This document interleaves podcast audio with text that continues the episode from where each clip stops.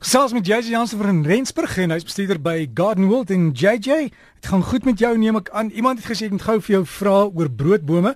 Hulle broodbome met so ou droë brood gemaak. Um, was een van daai kegels gewees met die sade, kan hom afsny en iemand het ook gesê ek moet jou vra, hoekom noem hulle dit 'n broodboom? Dit lyk nie soos brood nie. môre môre Dirk. Ja nee, dit is tog al 'n interessante een, daai en hoekom noem hulle dit broodbome? Uh ek het altyd gedog of ek was altyd onder die indruk dis omdat die sade soos brode lyk. Maar in die ou tyd het hulle eintlik binne in die broodbome se stamme brood gebak.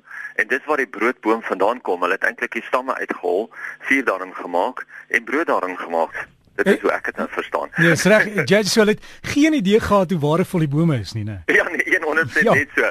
En jy weet as jy nou net die Mojaji uh woud toe gaan waar daai Mojaji so plat lê, kan ek net dink hoeveel brode kon hulle in daai gebak het en kyk hoe pragtig lê hulle vandag daar. Ja, en daai goed is deesdae wat 100 200 000 rand werd, maklik? O, oh, maklik. O ja, nee, ja. maklik. Definitief. Maar net om terug te kom na jou vraag toe, wat doen hulle eintlik met die brood?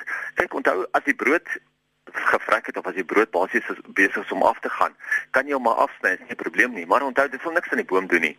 Maar onthou, jy moet hom altyd afsny, laat dan nog steeds 'n effense van 'n uh, stingeltjie daar is.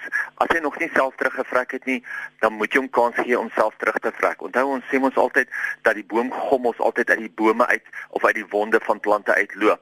En daai boomgom as jy hom nou afgesny het en hy moet nog terugvrek, dan gaan daai boomgom eintlik daar uitdruk en hy sal die sappe van die broodboom en hy sal homself dan so seël.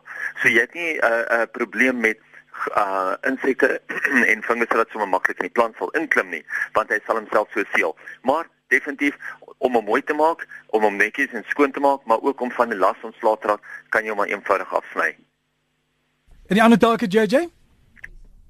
as ons nou hier so amper aan die einde van die somer en Afrikanertjies is nou besig om kwai af te gaan oral en weet jy mense kla baie keer oor verskillende siektes in die tuin. En weet jy Afrikanertjies is een van daai wat as jy hom nou in die beddings inspit, dan gaan jy ontslaa raak van baie siektes wat natuurlik jou nematodes, jou alwerms ook insluit. En dit is 'n baie groot probleem. So vir die van julle wat sukkel met siektes, met grondprobleme, uh insekte in die grond wat jy nie eintlik daar wil hê nie, spit my Afrikanertjies in, hy sal nie jou goeie insekte wegjaag nie. Hy sal nie af jou jou erwdrums en so aan wegjaag nie. Maar is 'n goeie ding. En onthou jy kan hom inspit al het hy so 2/3 of so gevrek, al het jy genoeg saad geoes, dan jy hom inspit. Jy hoef nie te wag totdat hy heeltemal droog droog droog is nie. Cyclamens is nou weer amper op die rakke en 'n paar mense het al klaar cyclamens in die winkels ensovoorts. Maar mense moet maar pas op met jou cyclamens as jy baie warm huis het moet jy liefs nie nou al jou siklamen in die huis sit nie. Want dan gaan jy sukkel dat hy wel gaan moeilik blom hy gaan papang hy gaan nooit regtig tot sy regte kom nie. As jy 'n koeler huis het definitief kry jy siklamen pragtige kleure natuurlik nou oor die uh, wintermaande. En as jy hom nou kry gaan hy vir jou blom tot en met einde Augustus middel Oktober ten minste.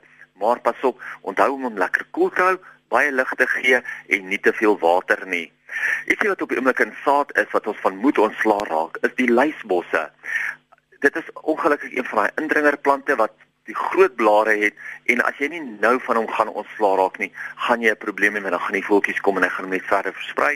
Die plant word al hoe sterker en jy gaan volgende jaar baie meer sukkel.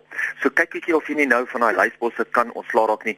Kap hulle af, vergiftig hulle waar nodig is, maar probeer heel, heel eers van alles net om deur te gaan en al die sade af te pluk wat nou besig is om oral ryp te word en te versprei.